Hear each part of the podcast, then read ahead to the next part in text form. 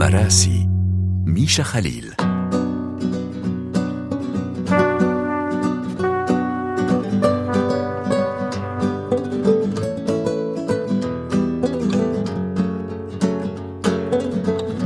طيبة الإنسان هي شعلة يمكن إخفاؤها لكن لا يمكن إطفاؤها أبداً. أبدأ رحلة اليوم من برنامج مراسي بهذه الكلمات لأسطورة نضالية إفريقية هي نيلسون مانديلا المناضل والرئيس السابق لإفريقيا الجنوبية. إفريقيا هي القارة التي نخصص لها رحلة اليوم من خلال مهرجان الكتاب الإفريقي الذي ينظم سنويا في مدينة مراكش وهو هذا العام في دورته الثانية. هيا بنا إلى مراكش. أهلا بكم.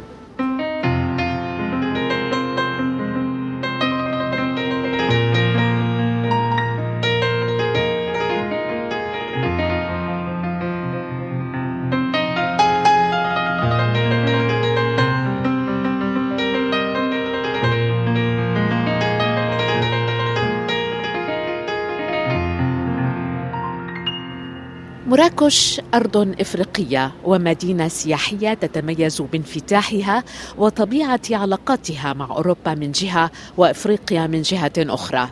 في هذه المدينة ولدت فكرة تأسيس مهرجان يحتفي بإفريقيا من خلال أدبها ومن خلال مفكريها وفلاسفتها وكتابها القادمين من بلدان إفريقية متعددة والمنحدرين أيضا من الدياسبورا الإفريقية في العالم. تأسيس المهرجان كان بإرادة أربعة أشخاص منهم الفنان والنحات المغربي ماحي بين بين Évidemment, c'était d'abord, on ne se parle pas entre Africains. On ne se connaît pas. C'est curieux. Tous les Africains regardent vers le haut. Et alors, on a décidé qu'on allait se regarder, qu'on allait se parler. السبب الأول هو أننا كأفارقة لا نتواصل فيما بيننا ولا نعرف بعضنا وأنه لأمر غريب. جميع الأفارقة ينظرون نحو الأعلى. لذا قررنا أننا سننظر إلى بعضنا البعض وسنتحدث مع بعضنا البعض وسنكتشف رؤانا. لست بحاجة للذهاب إلى باريس أو نيويورك أو برلين لألتقي بجاري. سألتقيه في بيتي أو أذهب ربما للقائه في بيته. وهذا أسهل. C'est incroyable. On assiste à, à, quelque chose de fou. Il fallait juste ouvrir la boîte. ما نراه هنا هو أمر ديناميكي. لا يصدق. إننا نشهد ضربا من الجنون. كان يكفي أن نفتح العلبة وها هي الأرواح تنبعث منها. هذا رائع. هذه التظاهرة تجمعنا اليوم بشخصيات مرموقة الحق يقال. سليمان بشير ديان ألآن بامونكو صوفي بيسيس إنها حقا هدية من السماء. يونس أجراي يعمل في الثقافة منذ عقود وهو أيضا واحد من مؤسسي مهرجان الكتاب الإفريقي في مدينة مراكش. هو الشريان الحيوي على الأرض لهذا المهرجان. يركض في كل الاتجاهات يستقبل المدعوين يفتتح الندوات يرافق المفكرين طبعا برفقة فريق عمل مهمته تأمين وتسهيل أمور المدعوين قدر الإمكان.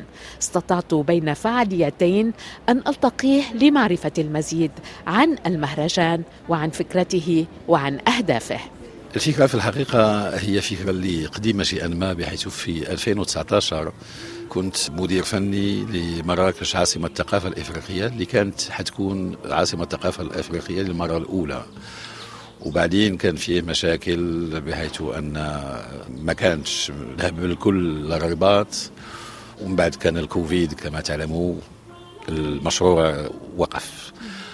بعدين كان عندنا دائما تصور أنه بالنسبة لمراكش اللي هي مدينة إفريقية بامتياز كان عندنا تطلع أنه يكون في نشاط ثقافي اللي يمكن بأنه يكون تواصل ويكون تلاحم بين هويتنا الافريقيه في المغرب وبين الشعوب الأخرى والثقافات الأخرى في القارة.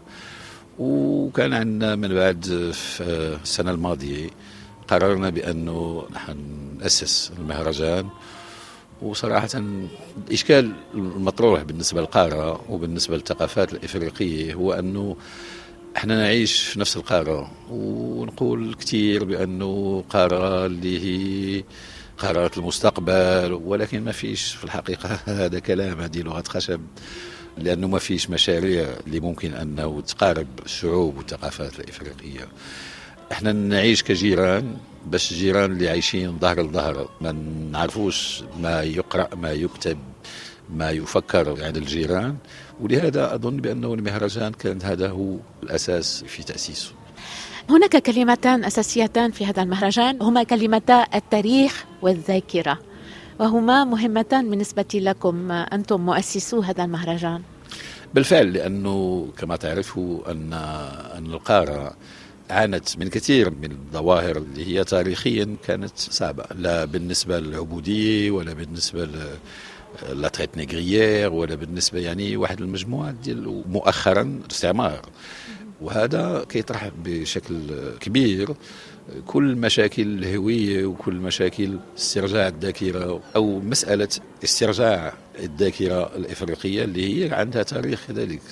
يعني بأنه بالفعل مشاكل الهوية أو مشاكل التاريخ أو مشاكل استرجاع الذاكرة هي مسائل مهمة. إحنا نتكلم على الكل هذا الكل في هذه اللقاءات في لقاءات المهرجان. بس كذلك نتكلم عن الفن نتكلم عن كتابة نتكلم عن مخيلات نتكلم عن كل عن الحب عن الجمال. ولكن ضروري أنه بالفعل يكون تفكير على مكان إفريقيا في العالم مكان إفريقيا في الوصول وفي دفع أنه يكون عندها مكانة في السياق العالمي. لما قلت بأنه نتكلم على إفريقيا قارة المستقبل أو قارة شابة أكثر شباب من بين القارات آه بس آه وبعدين ضروري بأنه لما نقول هذا ضروري بأنه يكون فعل أو أفعال اللي تمكن من أنه إفريقيا يكون عندها كذلك مكانة وتكون تحترم بالنسبة لما هي وبالنسبة لكل شعوبها نعم ومن هنا يعني المواضيع التي تطرحها هذه الدورة الثانية من المهرجان مهرجان الكتاب الإفريقي هنا في مدينة مراكش.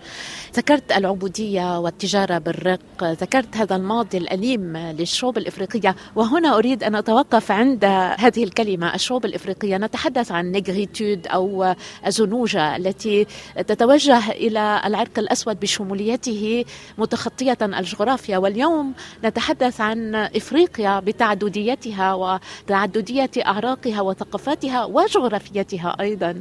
هناك توجه نحو إفريقيا هذه. بالفعل أكيد. أظن بأن إفريقيا عرفت موجات في تاريخه اللي فرقت الشمال على باقي الشعوب وباقي الدول ما جنوب الصحراء. ما ننساوش بأنه العرب كذلك عرب المغرب أو عرب الشمال الإفريقي بصفة عامة كان عندهم تاريخ مع الشعوب الإفريقية ما وراء الصحراء. اللي هو تاريخ كذلك صعب بحيث أنه شاركنا في العبودية كذلك شاركنا كذلك في تجارة الرق. يجب أن نقول المسائل دي يجب أن نتكلم في المسائل دي حتى ما يكونش بينتنا سوء تفاهم. وناخذ مسؤوليتنا التاريخية في هذا السياق. المسألة الثانية هو أنه بالفعل ببرمجتنا حاولنا أنه نأخذ بعين الاعتبار هذا التنوع الإفريقي. وفيه جلسات مثلا أنه حنتكلم عن ما نشارك وما يفرقنا لأنه إحنا متنوعين لا بالنسبة للتاريخ ولا بالنسبة للكتابة ولا بالنسبة للشعوب لا بالنسبة للثقافات لا بالنسبة للأعراق لا بالنسبة للعادات. مش ممكن تقول بأنه مصري هو كواحد من تنزانيا أو إثيوبيا وواحد كجزائري يعني بأنه إحنا متنوعين قارة متنوعة. وهذه ثروة أنه نكون متنوعين. لما نتكلم على إفريقيا في الغرب مثلا أو حتى عندنا مرات نتكلم على إفريقيا كما لو كانت دولة. هي 54 دولة 54 شعب 54 ثقافة 54 عادات. مش ممكن أنه نتكلم على أفريقيا كواحد. وكما قلت بالنسبة للمواضيع اللي طرحناها هو من الزنوجية إلى الأفريقانية يعني بأنه بالفعل حتى المفكرون اللي كانوا رواد في سنوات الخمسينات لما يفكروا كانوا يفكروا بالنسبة للأسود من الزنوجية ما كان يسمى إيمي سيزير أو سيدار سنغور أو يعني بأنه نسوا بأنه في إفريقيا ما فيش غير عرق واحد. فيه كذلك عرب فيه كذلك بربر أمازيغ فيه بيض فيه صفرة فيه رمادي فيه, فيه, فيه الكل.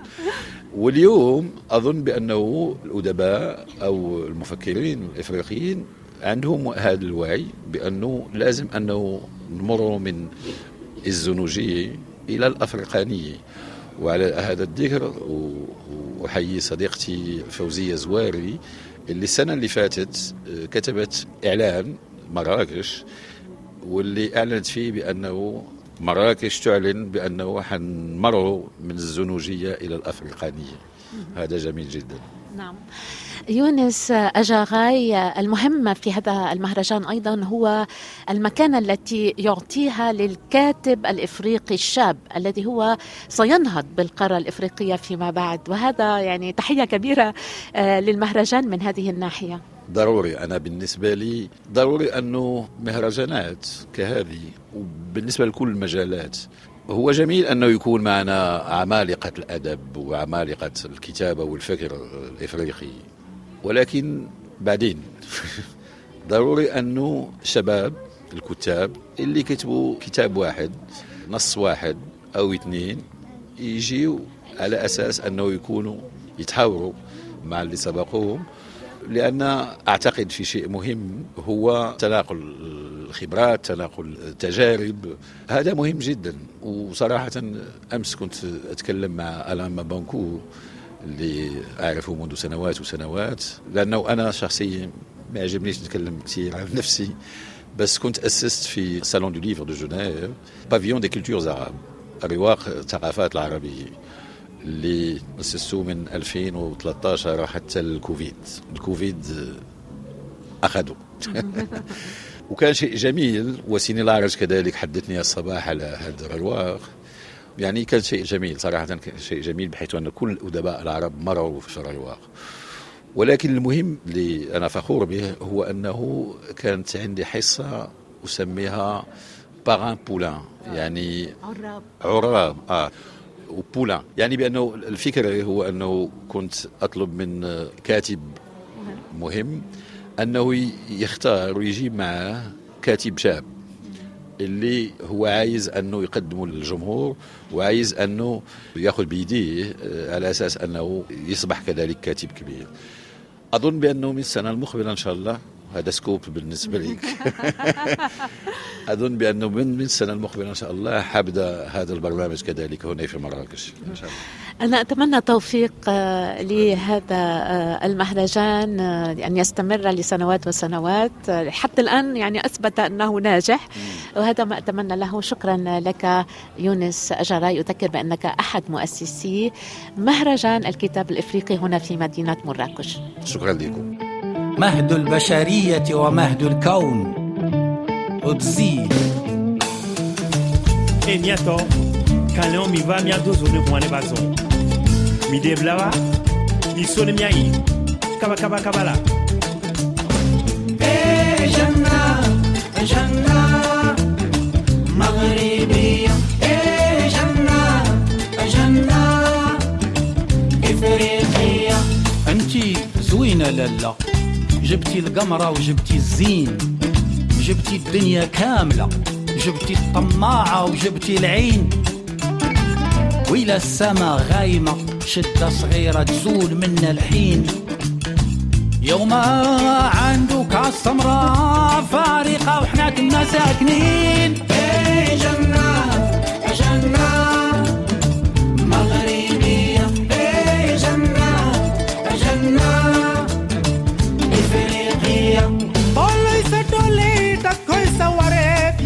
saskan. Jàmbar ca waar waa liggéey yaay boroom ñàkk déet boolay sa dooley takkoy sa wareef yaakaar sab askan jàmbar ca waar waa liggéey yaay boroom ñàkk déet Hey, Jamna, Jamna, I do more we love.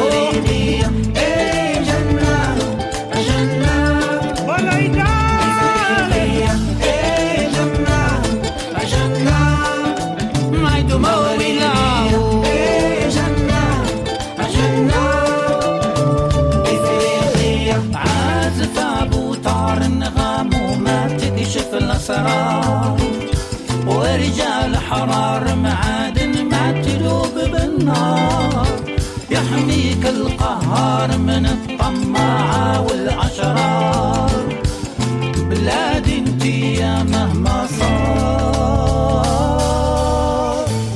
جنة إفريقية أغنية للفنان المغربي عزيز سحناوي تعبر خير تعبير عن الروح التي تنبعث من مهرجان الكتاب الإفريقي في دورته الثانية في مدينة مراكش. دورة تستضيف شخصيات مرموقة منها الفيلسوف والأستاذ الجامعي السنغالي سليمان بشير داني وهو متخصص بفلسفة العلوم والفلسفة الإسلامية ويولي سليمان بشير أهمية كبيرة للمنطق في الفكر الفلسفي ويضع طبعا إفريقيا في صلب اهتماماته وبحثه الفكري. من أهم كتبه واحد مستوحى من حياته يحمل عنوان فاغودوما ميموار أو حزمة من ذاكرتي التقيته على هامش المهرجان وبدأت معه الحديث عن أهمية مهرجان كمهرجان الكتاب الإفريقي في مدينة مراكش. Écoutez, c'est un festival qui, moi, personnellement, m'enchante et je suis ravi de l'avoir découvert. هذا مهرجان يدهشني وأنا سعيد باكتشافه.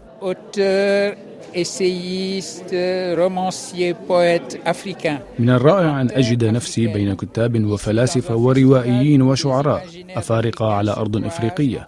وفي مهرجان حيث التصورات الإفريقية تتقاطع وتتخاطب هذا يعكس صورة عن واقع قارتنا اليوم وعما يجب أن يكون عليه مستقبلنا المشترك.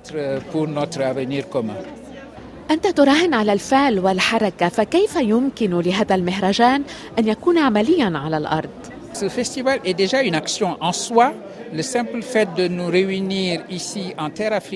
المهرجان هو فعل بحد ذاته بمجرد أنه جمعنا على أرض إفريقية لتبادل الآراء حول أعمال أدبية كتبها أفارقة وإتاحة الحوار حولها مع باقي العالم.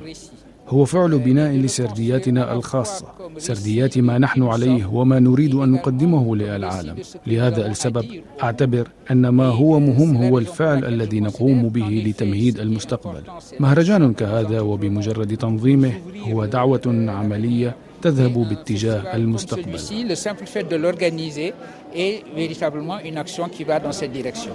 سليمان بشير داني أنت فيلسوف وفلسفتك تقوم على المنطق.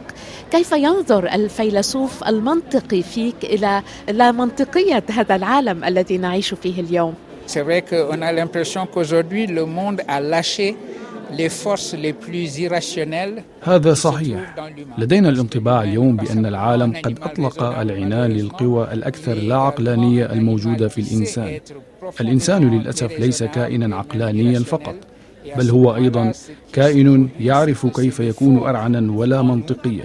وفي مثل هذه الحالات هفواته هي التي تظهر وكي أكون عمليا أكثر أقول إن العالم المشردم الذي نعيش فيه هو عالم الإنسان فيه ذئب لأخيه الإنسان.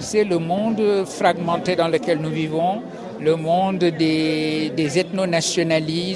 وهو عالم القوميات العرقية والحروب الأكثر عشائرية لأنها حروب بغيضة ومدمرة. وجب علينا أن نعزز القوى العقلانية التي تدفعنا للاجتماع والتفكير بإنسانيتنا المشتركة بدل التركيز على ما يفرقنا. نعيش ظروفا وصلت فيها اللاعقلانية والانقسامات إلى حد يعطينا الانطباع وكأن كل ما نقوم به هو جهد ضائع. لكن لا يجب أن نستسلم. من هذا المنطلق يجب أن نرفع دائما الشعلة لننير طريق توجهنا نحو إنسانيتنا المشتركة. حتى ولو شعرنا بأن الأمل قد طعن في الصميم. هذه هي دلالة هذا المهرجان المكرس للالتقاء والترجمة المتبادلة لتصورات وتخيلات المشاركين. إنه وعد وبصيص أمل. وما أحوجنا اليوم إلى مضاعفة شعلات الأمل من أجل الإيمان بإنسانيتنا. الفكر الفلسفي يقوم على الحوار ولكن لدينا الاعتقاد اليوم بأن الحوار هو الحل الأخير الذي نلجأ إليه ونؤمن به. كيف برأيك يمكن للفكر الفلسفي اليوم أن يساهم في ثقافة الحوار؟ Pour répondre à votre question, je vais vous raconter une anecdote qui est, qui est dans l'histoire de la philosophie. للإجابة على سؤالك سأخبرك قصة موجودة في تاريخ الفلسفة سقراط الذي يعتبر واحدا من آباء الفلسفة كان رجل حوار يحب مناقشة الآخرين في محاولة بحث عن الحقيقة والقيم الإنسانية المشتركة. سعى يوما إلى التحاور مع صوفي إلا أن هذا الأخير لم يعره اهتماما. سقراط لم ييأس وتابع محاولاته بصبر ومثابرة. Eh cette conviction qui est la sienne, cette confiance dans l'humain et dans les vertus du dialogue. هذا الصبر وهذه القناعة وهذه الثقة في الإنسان وفي فضيلة الحوار. كلها صفات يجب أن نتحلى بها بالرغم من ضجيج السلاح والعنف. هذا الضجيج قوي لدرجة يعطينا الانطباع بأن لا حوار ممكن.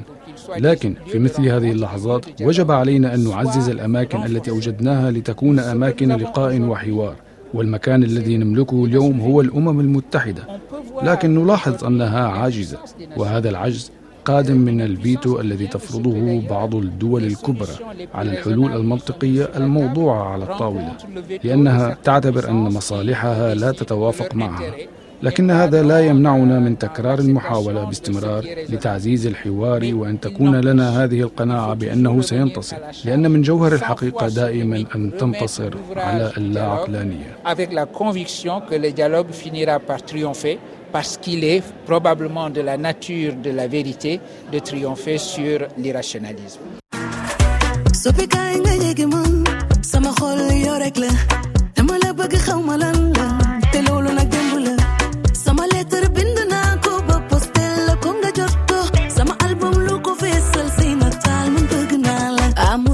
mı bugün alır? Amur bir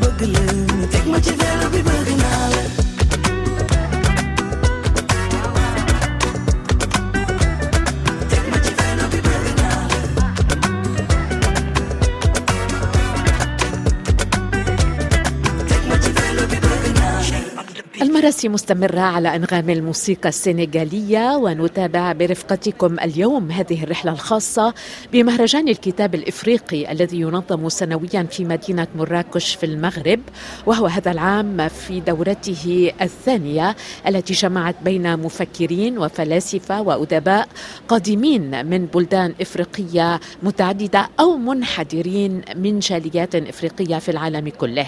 ومن الحاضرين هذا العام كانت المدرسة والكاتبة فونتا دغامي هي من أب موريتاني وأم سنغالية ولدت وترعرعت في فرنسا. وكتبت رواية تحمل عنوان أجار باريس عن رحلة المنفى التي جاءت بوالدها من قريته أجار في موريتانيا إلى باريس. رغبتها في كتابة هذه الرواية بدأت عندما زارت موريتانيا للمرة الأولى. إذا نلتقي بها اليوم في برنامج مراسي. زرت موريتانيا في ظروف صعبة لدفن جدتي التي كانت تعيش معنا في باريس عندما وصلت إلى قرية أبي تأثرت كثيرا لأنني أدركت أنه يأتي من هذه الأرض التي لا تحتوي على الشيء الكثير حتى في يومنا هذا. وعندما عدت إلى باريس حدث في داخلي انفجار وطلبت من والدي أن يسرد علي مسار النفي الذي خاضه. متى ولماذا وكيف قرر أن يترك موريتانيا ليبني له حياة جديدة في فرنسا؟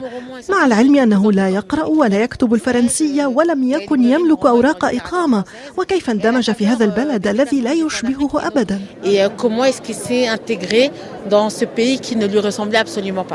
تقولين بأن كتابة هذه الرواية لم تكن سهلة وكان عليك أن تلعبي دور الصحفية قبل خوض تجربة الكتابة وذلك في محاولة للدخول في تفاصيل حياة والدك وفهمها.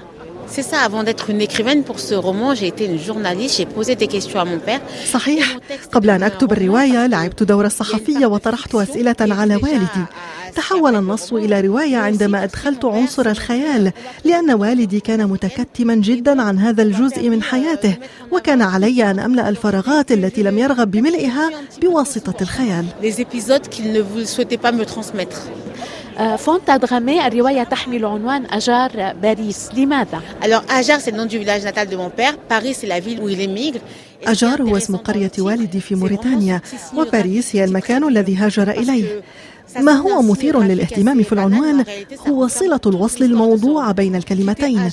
قد تبدو للوهلة الأولى خطا مرسوما تافها لكنها في الحقيقة تحتوي على الرمزية الكاملة لهذه الرواية. مغادرة أجار إلى باريس ليست فقط مغادرة قرية إلى مدينة بل هي مغادرة عالم إلى عالم آخر مختلف تماما هي مغادرة حياة لبناء حياة في مكان آخر دون اليقين بأنه سينجح بذلك. وأنت قمت بالرحلة المعاكسة فونتا دغامي آه، كانت رحلة مؤقتة لكنها كانت رمزية لأنها آه، كانت عودة إلى وطن تجهلينه آه، أين أنت اليوم من هذه الرحلة الداخلية التي قمت بها ومن علاقتك بموريتانيا؟ C'est très intéressant parce qu'effectivement, mon père, en quittant Ajar pour aller à Paris, il a déconstruit des choses de son identité. المثير للاهتمام هو أن والدي عندما ترك أجار وأتى إلى باريس فكك أجزاء من هويته وأنا بترك باريس وذهابي إلى أجار بنيت أجزاء من هويتي. أقول لك اليوم بأنني موريتانية بحتة حتى ولو لم أزر موريتانيا سوى مرتين والمرة الثانية كانت لتوقيع روايتي. تأثرت كثيرا أثناء عودتي الثانية لأنهم عاملوني على أنني ابنة البلد الكاتبة التي تعود إلى الوطن. الآن بدأت أفهم شيئا فشيئا هذا الجزء المغمور من هويتي. وجدت هذه القطعة المفقودة التي تسمح لي بأن أكون كاملة Cette petite pièce de puzzle qui me manquait pour euh, m'accomplir euh, entièrement. آه، كيف ساهمت هذه التجربة التي خضتها آه، في علاقتك مع موريتانيا وفي تحديد هويتك وكيف تنخرط آه، اليوم في الإطار الإفريقي العام على مستوى القارة؟ Alors déjà, je me rends compte que l'identité, c'est un, أدرك أن الهوية هي في حركة دائمة وليست جامدة. أنا لا أعرف كيف أحدد نفسي.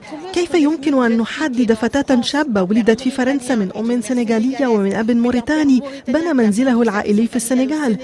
أذهب إلى السنغال بشكل دائم ولا أذهب إلى موريتانيا. كيف يمكن لي أن أنجح في التنقل بين مستويات الهوية هذه؟ إنها اكتشاف. أكتشف وأتقدم شيئا فشيئا لا أعرف أين سيصل بي المطاف مع كل هذه التعددية وماذا ستحددني لكن أتابع تقدمي مدركة بأن الهوية ليست جامدة. فونتا دغامي هل الكتابة بالنسبة لك هي وسيلة جيدة للقيام بهذا المسار الداخلي المتعلق بالهوية والعودة إلى الجذور؟ أجد بأنها وسيلة جيدة لأنها تسمح بتخليد كلمات والدي جعلة منه جزءا من تاريخ بلدي. لا نتحدث عن والدي في الروايات. هو ككل هؤلاء الأشخاص الذين لا نذكرهم إلا في الكتب التجريبية أو في الصحف. الكتابة برأيي تسمح بترسيخ الموروث وإعطاء مكانة لهؤلاء الأشخاص المهمشين. مكانة رفضت لهم في المجتمع. في إفريقيا تتم عملية السرد عبر التقليد الشفوي. أما الكتابة فتسمح بتثبيت الكلمة وتخليدها. L'écriture permet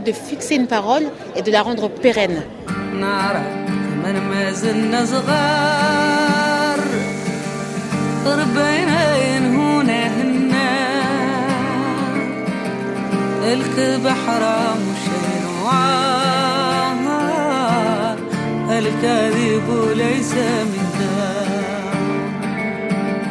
نعرف من ما زلنا صغار ربينا ينهونا هنا الكذب حرام وشين الكذب ليس منا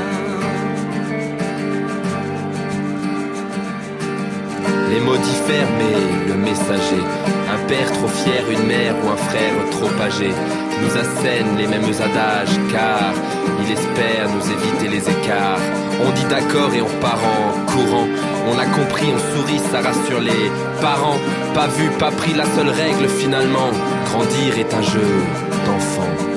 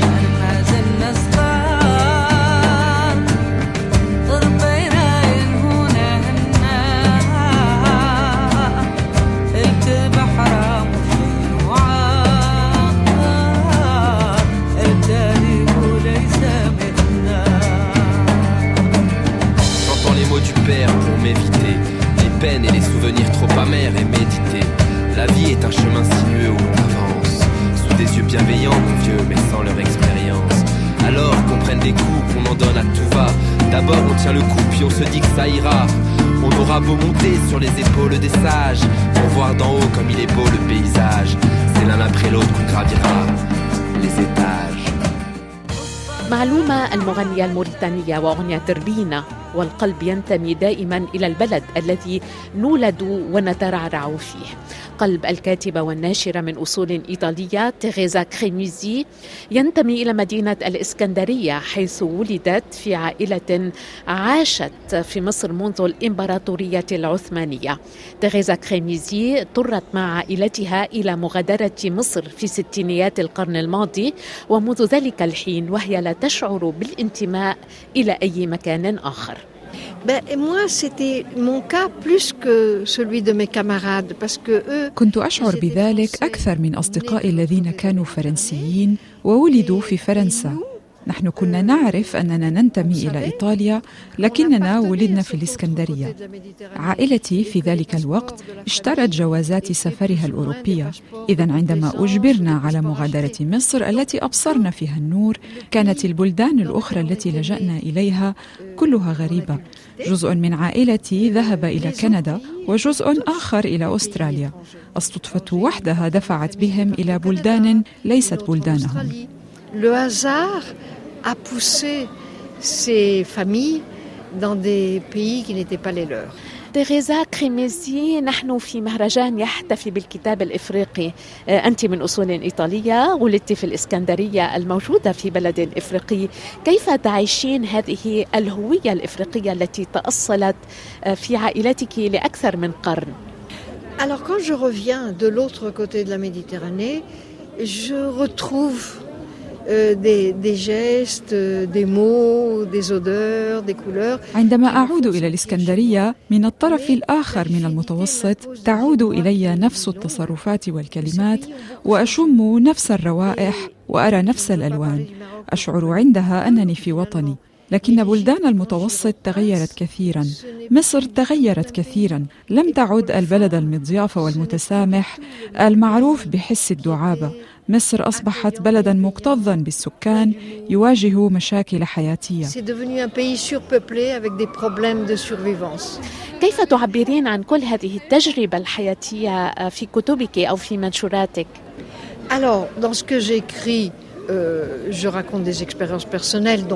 عندما أكتب أسرد قصصي الشخصية وبالتالي لا توجد مشكلة. لكن عندما أنشر كتب الآخرين لا أحكم على الأعمال. دور الناشر ليس الحكم بل اختيار ما يريد نشره بالحدس والقلب أكثر من المنطق والعقل. تيريزا كريميزي تقولين البحر هو طريقة للهروب وهو وطني الوحيد. آه، وربما هو الهوية الوحيدة التي تحملينها آه، حيثما آه، تذهبين. Je, je suis reconnaissante à la mer parce que c'est une patrie aussi, et c'est une patrie mouvante. أنا ممتنة للبحر لأنه وطن متحرك لا يسجننا في مكان ما وعندما تجدين مرفأ تعرفين أن ثمة مركبا سيتركه وأن الحياة ربما ستستمر في مكان آخر Et que peut-être la vie continue ailleurs. تقولين أيضا الوطن في اللغة وليس في البلد هل هذه هي طريقتك في تحديد الهوية الشخصية الخاصة بك؟ Ben, je pense que c'est une manière de ne plus se poser ces questions qui n'ont pas de réponse. أعتقد أنها طريقة لعدم طرح الأسئلة التي لا جواب لها. كانت عائلتي في ذلك الوقت تملك من خمسة إلى ستة جوازات سفر ولم يكن لهذا الأمر أي أهمية. لكن في سنوات الخمسينيات والستينيات تغير الوضع وأصبح على كل شخص أن ينتمي إلى مكان. من تلك اللحظة بدأ التساؤل حول الهوية والانتماء وعزل الآخر. عندها أصبحت اللغة وطنا تحملينه كما تحملين حقيبة السفر. وبالحديث عن اللغة تيريزا كريميزي تقولين بأن والديك كانا يتكلمان الفرنسية بالطريقة التي كانت تتكلم بها الفنانة داليدا. يعني أنت الوحيدة التي تتحدثين الفرنسية كالفرنسيين من دون لهجة يعني طريقة تحدث اللغة يدل أيضا على انتماء معين c'est-à-dire, c'est une manière pour qu'on ne vous stigmatise pas. إنها طريقة في الكلام كي لا يحكم عليك الآخرون وكي لا تسألي من أين أنت هذه الأسئلة مزعجة. لذلك من الأفضل أن يتماهى الشخص مع محيطه كي يتجنبها. عليه أن يتحول إلى حرباء جميلة. Euh.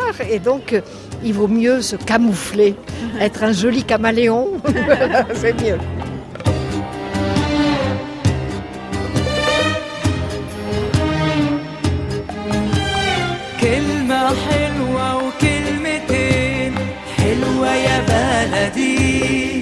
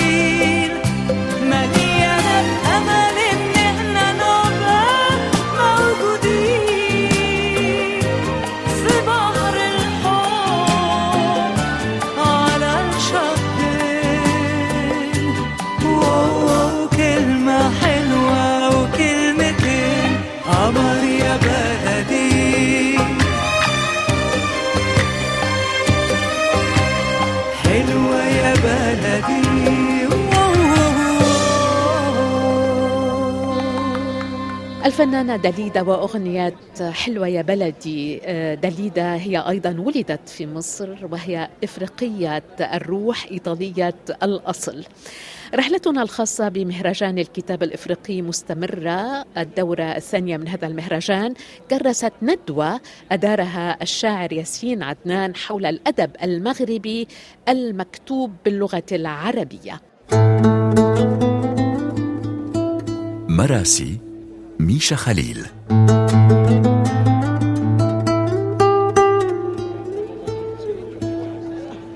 الشاعر ياسين عدنان أهلا بك في إذاعة مونتي كارلو الدولية. أهلا وسهلا ميشا يسعدني الحضور معك مرة أخرى. وهنا في مراكش. وهنا, وهنا في مراكش نتحدث دائما عن هذه المدينة الجميلة وأنت تشارك في هذه الدورة الثانية من مهرجان الكتاب الإفريقي وطبعا تشارك باللغة العربية. وهذا ما لفت نظري لأن معظم اللقاءات هنا هي باللغة الفرنسية. وتعود إلى الدورة الأولى. أنت من طلب أن يكون هناك مداخلات باللغة العربية. صحيح هو في الدورة الأولى حينما طلبت مني المشاركة في إحدى الندوات كان معي محمد بنيس ومحمد أشعري. تصورت أنها ستكون بالعربية ولكن حينما جئت طبعا احتراما للجمهور غالبيته أفارقة فرنكوفونيون أو فرنسيون وكذا فكنا مجبرين على أن نتحدث بالفرنسية وكذلك كان خلال الندوة. لكنني نبهت إلى رمزية الحديث باللغة العربية باعتبارها لغة إفريقية. اللغة العربية يعني كل شمال إفريقي يعني مصر ليبيا تونس الجزائر المغرب موريتانيا السودان. إضافة إلى تشاد وأريتريا اللتين يعتبران اللغة العربية لغة رسمية. كل هذه البلدان تعتبر هذه اللغة لغة رسمية وأساسية وهي بلدان إفريقية. إذا بما أننا في المغرب لما لا نفكر في العربية كلغة إفريقية ونصالح هذه اللغة مع هذا الفضاء الجغرافي؟ بهذا المعنى كان الطلب والمنظمون يعني كانت استجابتهم كريمة فقالوا لي يلا نعمل ندوة بالعربية على أن تتولى أمر اختيار المتدخلين وإدارتها وأن تتكلف بهذه الندوة.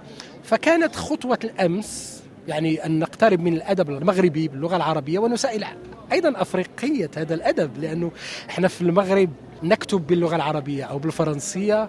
مثلا بالعربية هناك الخلفية الإسلامية أو خلفية العروبة ولكن إفريقيتنا أيضا يجب أن ننتبه إليها وأن نسائلها وهذا ما فعلناه في الندوة. بالفعل يعني المغرب هو مزدوج يعني في ثقافته. هناك العروبة من جهة وهناك الإفريقية من جهة أخرى.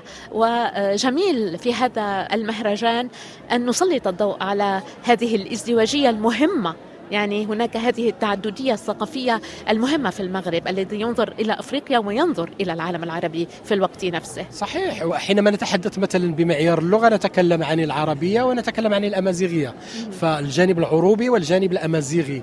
ولكن لما لا نفكر حتى في الجانب الأمازيغي باعتباره جزءا من إفريقيتنا لأنه حتى إفريقيا ليست جوهرا في مكان ما. يعني علينا أن نتصور بأن إفريقانية هي الزنوجة. أن تكون إفريقيا هي أن تكون مثلا أسود وما إليه لا. إفريقية هي تعدد فسيفساء والعنصر الأمازيغي باعتباره عنصر ثقافي ولغوي أصيل وجزء من هذا التعدد. نعم. إذا في لقاء الأمس كان هناك اختيار لعدد من الأدباء المغربيين. على أي أساس أنت اخترت هؤلاء الأدباء والأديبات؟ لا أريد أن أجازف بالقول بأن الاختيار كان اعتباطيا. ولكن بمعنى ما لم يكن مبنيا على رؤية موحدة جامعة. بمعنى أنه لم أختار مثلا كتابا يكتبون نفس أو مشغولون ربما بنفس تصور الفكري والأدبي. لا كانت تجارب مختلفة تماما. شخص مثلا مشغول بسؤال الفكر كاتبة مثلا مشغولة بسؤال الحوار مع الآخر بيني وبين إستير حيث تحاور بديع الراضي يهودية إسرائيلية في عملها. ويعني نوع من الحوار الناضج والراقي من أجل مثلا سلم يكاد يكون يوتوبي في تقدير النقدي في نفس الوقت مثلا فاطمة الزهراء التي تكتب حميميتها واختلافها واختيارها الخاص يعني في الحياة وفي علاقتها بجسدها وبمحيطها يعني في اشتباكات بالغة الذاتية وبالنهاية هي مذكرات شخصية. في الوقت الذي مثلا نجد واحد مثل سعيد رضواني هو شخص يكتب رواية تجريبية وغارق في اللعب. وفي تجريب الأشكال وتجريب صيغ القول وصيغ البناء بناء العمل الأدبي. اذا هي تجارب فعلا مختلفة لا شيء يوحدها. اللهم الرغبة في إعطاء فكرة عن الأدب المغربي والرواية المغربية تحديدا باعتبارها فعلا فضاء حرية وكتابة متنوعة. هذا التنوع هو الذي كان القصد بالنسبة لي أن أجعله واضحا للعيان. وهذا ما شعرنا به أمس يعني هذا المشهد الادبي المغربي الذي يعالج قضايا إنسانية يعالج قضايا مجتمعية وحتى أنه يعالج فقط سردية روائية معينة دون الخوض في تجارب إنسانية معينة. وربما هذا هو هدف هذا المهرجان أيضا تسليط الضوء على تجارب إنسانية إن كان مغربية أو إفريقية. هذا هو طبعا لأنه كل الأدباء الأفارقة المشاركين وغير الأفارقة يعني المشاركين في هذا المهرجان كل يعني يحمل قلقه الخاص تجربته الخاصة في الكتابة والحياة. ربما الأدباء المغاربة فقط لأنهم كانوا معزولين في ندوة واحدة نحن نناقشهم الآن يعني وأنا شاكر لاهتمامك بالندوة وحضورك إليها. وإن أنا من توصياتي بصراحة للمهرجان أيضا أن لا نتعامل مع الكتاب المغاربة المغاربة الذين يكتبون بالعربية هكذا كما لو أنها تجربة خاصة تحصر في ندوة خاصة. لا أريد أن أستعمل كلمة جيتو ولكن جت على بالي الآن. لا بالعكس أنا أتمنى ولكن أنا أعرف أيضا الصعوبة التقنية يعني واللوجستية لهكذا مطلب. أنا أتمنى أن إفريقيا بالنهاية هي متعددة اللغات. حتى هناك مثلا غالبية المشاركين هم فرانكوفونيون يعني. لا هناك أيضا الإنجليزية يعني هناك الأنجلوفونيون أساسيون يعني في هذه القارة. ومثل ما قلت يعني الكتاب بالعربية هم كتاب أيضا أفارقة. لو على المستوى اللوجستي كان بالإمكان أن تؤمن ترجمة فورية لكل الندوات فيتاح لكل واحد أن يتكلم بلغته. على الأقل اللغات الأساسية العربية والفرنسية والإنجليزية ربما هذا سيجعل المهرجان أكثر تنوعا وأكثر جدارة بهذا الفسيفساء العظيم الذي يصنع إفريقيا. وتغتني به إفريقيا. على كل حال هذه هي الدورة الثانية لهذا المهرجان الذي شهد فعلا نجاحا كبيرا العام الفائت وهذا العام أيضا أود أن أتوقف معك أيضا عند هذا المهرجان وأهميته في المشهد الأدبي وفي قضايا أخرى إن كان سياسية واجتماعيه وثقافية فيما يختص بالقارة الإفريقية. ما هي مكانة هذا المهرجان في هذا المشهد الإفريقي؟ مكانة أساسية ومهمة أنا أعتقد بأن هذا المهرجان اولا هو يتيح للأدباء الأفارقة أن يلتقوا على أرض إفريقية دون وساطة عواصم دولية. هذا مهم جدا. ثانيا المغرب بدأ ينتبه فعلا في الفترة الأخيرة إلى عمقه الإفريقي لأنه كنا دائما أعيننا مشدودة إلى الشمال الأوروبي وارتباطاتنا قوية بالمشرق العربي. إفريقيا كانت دائما بكل صراحة يعني نتصرف كما لو أننا موجودون في هذه القارة بالصدفة كما لو أنه خطأ في الجغرافيا. والحال أن لا هذه القارة هي انتماء. الآن نحن نعزز هذا الانتماء مثلا عبر هذا المهرجان لأنه مثلا هناك انتباه على المستوى السياسي. بالنسبة للسياسيين في المغرب توجه نحو إفريقيا على مستويات متعددة ولكن العمق هو الوجدان. وأتصور أن الأدب هو الفضاء الذي يعني يشتغل فيه هذا الوجدان ويبنى فيه هذا الوجدان الإفريقي العام بمختلف تعبيراته وخلفياته وتجاربه السياسية والاجتماعية. ولكن مثلا وأنا أحضر ندوات لأدباء إما من جنوب الصحراء أو من شرق القارة مسألة لوراليتي مثلا يعني مثل أيضا أدبنا المغربي والمغاربي شمال إفريقي يعني أيضا هناك هذا الجانب الشفهي حاضر ومؤثر. اذا إذا شئنا هناك أوجه تلاقي ممكن بناء عليها أن نعتبر فعلا أدبنا المغربي جزءا من الأدب الإفريقي. وأعتقد انه هذا المهرجان يكفي رهاناته الأدبية. لكي تؤمن له النجاح. يمكن ربما انخراطه في توجه عام للبلد باتجاه إفريقيا والمزيد من الانفتاح عليها يعطيه ضمانات نجاح أكثر. نعم. وهناك كسر للصور النمطية المأخوذة عن إفريقيا. يعني نجد مثلا أدباء بيض لكنهم أفارقة. آه، نجد مثلا جنسيات مختلفة وطرق مختلفة أيضا في التعبير عن هذه القارة الإفريقية. صحيح أنا معك تماما. يعني لما تشوف مثلا كاتب مثل مياكوتو أو كاتب مثل جوزي إدواردو أغولاسو كيف أنه كاتبان بيض صح؟ ولكن هم في عمق أدبنا الإفريقي. إذا واحد مثل لوكليزيو الذي كان ضيف شرف العام الماضي أنا يصعب علي كمتلقي لأدبه ألا ألمس العمق الإفريقي لما يكتب.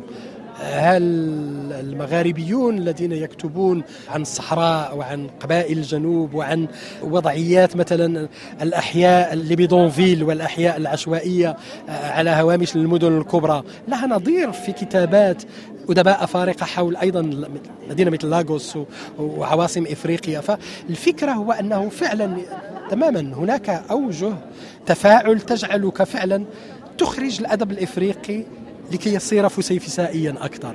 فلا يصير حكر على الزنوجة وحدها ولا يصير حكر على آه، لغة بعينها وحدها. لأنه مثلا بيض مثلا آه، ويكتب مثلا واحد مثل مية يكتب بالبرتغالية. آه، كاتب إفريقي أبيض يكتب بالبرتغالية.